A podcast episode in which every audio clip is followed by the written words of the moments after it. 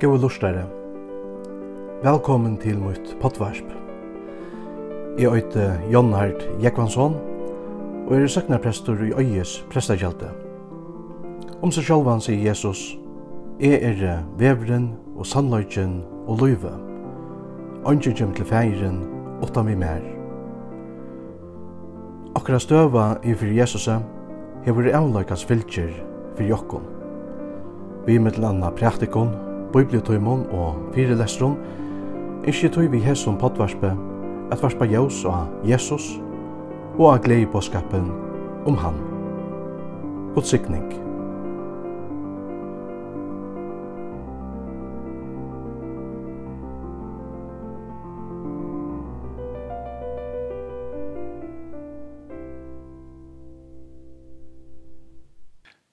Kom hier til mun, öll tid som arbeida, og geng under tungum byrån, og jeg vil til tikkun kvilo. Tekki oppa tikkun åk mutt og lære av mer. Det at er er speklintor og eimjukur av hjersta, og ta skulle finna kvilo fyrir salon tikkara. Det at gagnlitt er akkmutt og lagt er byremun. Matteus evangelia 11, 28, til vi 30. Hetta er ein underfull innbjóing frá Jesusa. Han veit hvordan tungt mannaløyve kan være, og byrranar kan være mennkar. Men vi te og me, sier han, kom til moin og gjev mer atlar tøyna byrar, til at jeg vil gjeva ter kvilo. Jesus vil gjera okon lotøyante og i syni ekno kvilo. Hese kvilo og hese frie som Jesus sjolvor levde jo i. Hetta vil han òsne gjeva her og mer. Men så løg jeg til jauar, for et lot og Jesu kvilo og frie, vi har få en æra byrå, en latta byrå, i stedet for okra tung og sinta byrå. Tog er det at Jesus sier, Tekk opp at ikkon, åk mot og lære av mer. I gamlare tøy brukte man et åk, ta å sija en trebjolka til å samantfinna tvei djør, til dømes tvær oksar. Vi tøy endamali at hala tungar birar. Vi myndatalo var hett høysen brukt til at understryka at ein personur var kuavur av en nøron. Og jødadømnon var åkje høysen brukt som ein mynd på launa. Jesus brukar til dømes hessa myndna i samband vi streng og lærerna tja hon. Her han tja Matteus 3.4 sier, og tar binda tungar birar og letja ter av heranar av mannen. Men så løs er det altså ikke vi Jesu åkje. Jesu læresvein åkje kun katta det. Nei, Jesus er en speklintur og eimjúkur læremastære. Hans rabira er tog løgt, og hans råk byr okkun ryka sikning. Jesu læresvein åk innebyr hekta, at liva som Jesus gjørte, det, at atekka seg hansara luftstil og at gengu i hansara fødasporum. Om vi innskja at liva i djupon fellesskapet vi Jesus, så må vi døysene fylgje hånden etter dagliga og atekka okkon hansara luftstil. Hetta ber okkon ryka sikning. I endur tekje, om vi innskja at liva i djupon fellesskapet vi Jesus, så må vi døysene fylgje hånden etter dagliga og atak okkon hansara lustul. Hetta ber okkon ryka sikning. Jesus sier vi lærersvennerne, «Jeg er vevren og sannløyken og løyve. Ønske kjem til feiren, åttan vi mer.» Johannes evangeliet 14, 6. Etta sier han øsne, vi okkon. «Jeg er veveren Løyve som en kristen er så statt et løyv av oss som veie. Et er en grunden til at de første kristne kallet seg for deg som hørte til veien. At høyre Jesse til, er at høyre en avvisen veie til i hesson løyve. At fylkja og Jesu fødasporen dagliga, at læra av honom og vera som han. Lukka som Jesus kallar i apostlanar til a fylgja sær etter og i løyve og lærro, så Jesus kallar han òsne okkon i det, og sigur, vi teva med, fylg mer. Vi veri ikkje frest vekna okra ekno gjerningar. Nei, vi vera frest av nage øyna, som vi lesa tja Paulus i Efsarbraun 2, 8 og 9. Hetta er ein grundleggjande bibelskur sannleikje.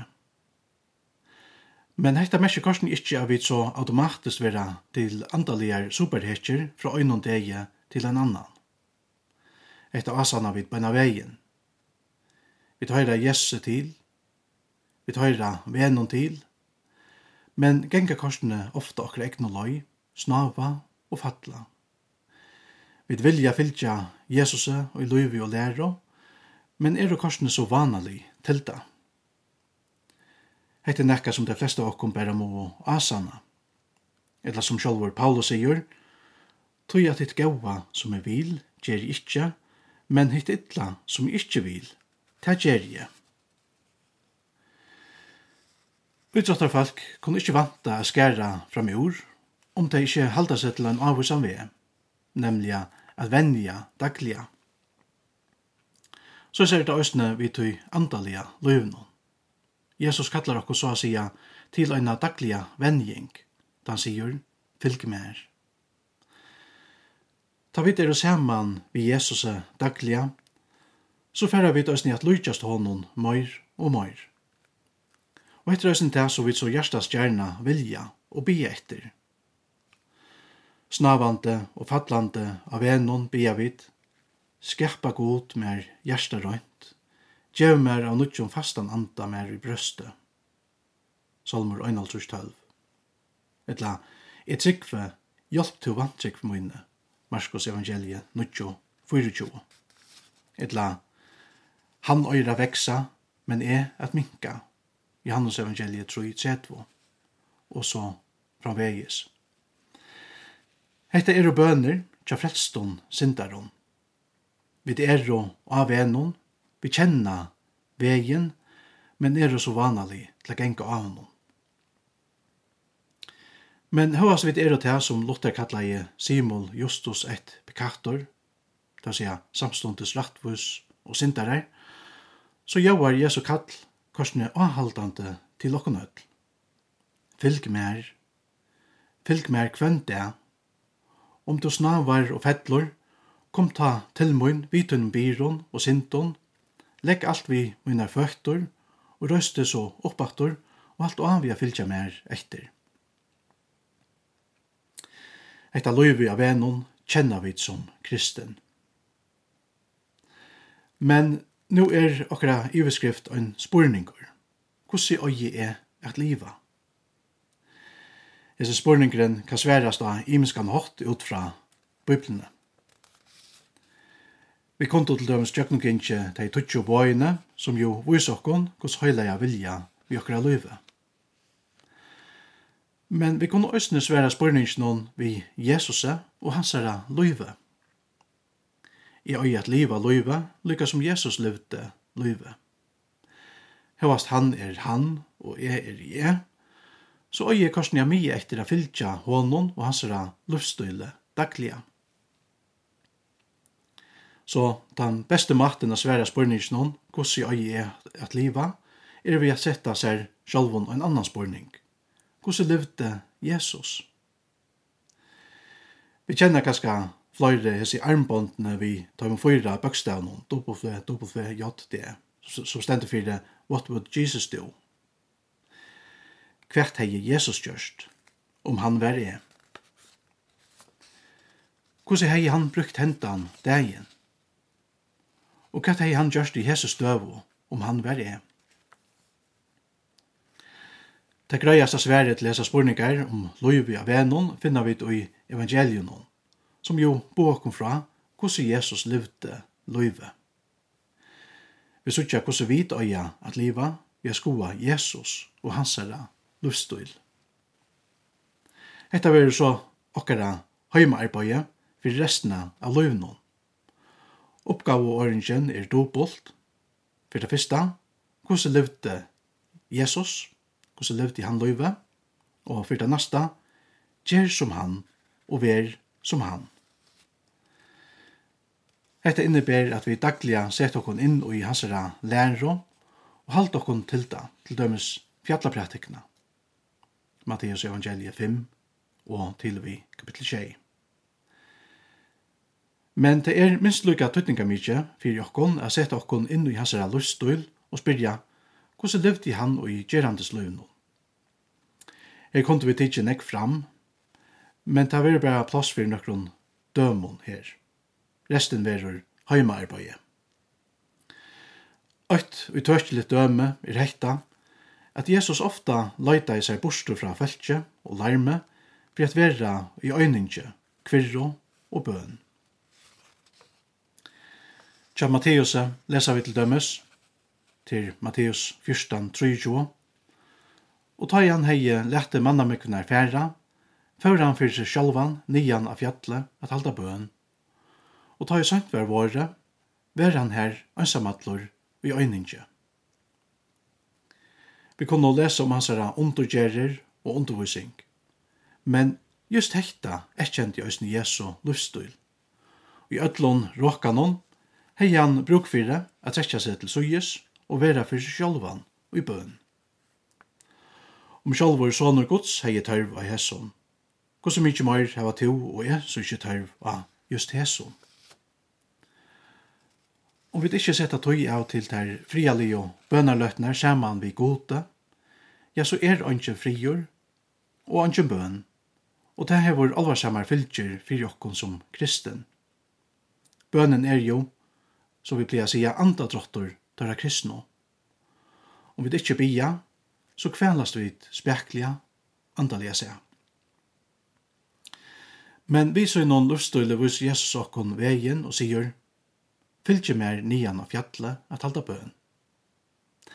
Enda dagen var fjallet jo løgnekammer tja Jesus, og i sted her han kunne være ansamadlur i øynige som han vi feirin noen i bøen.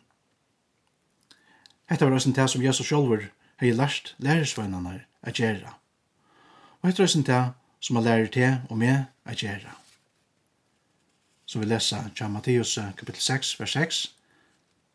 Men til, ta du heldur bøn, ta fer innar i kamertukt og lett aktor hortøyna, og by til fægertun som er i løyndon.